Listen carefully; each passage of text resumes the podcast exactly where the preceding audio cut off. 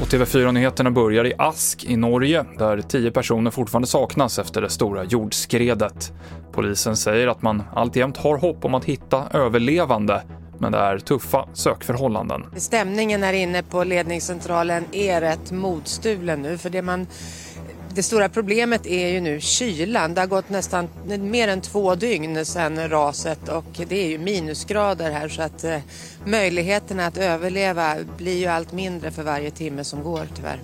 Det sa vår reporter på plats i Ask, Elisabeth Frerot, och nu klockan nio ska det hållas en pressträff och vi sänder direkt på tv4.se.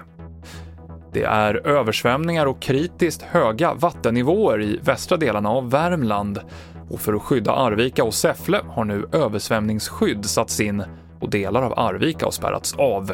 Enligt räddningstjänsten kommer vattennivåerna fortsätta att stiga och nå kulmen först nästa vecka. Och i junior-VM i ishockey så var Sverige chanslöst mot USA i natt och förlorade med 4-0. Det här innebär att juniorkronorna får möta Finland i kvartsfinal. TV4-nyheterna med Mikael Klintevall.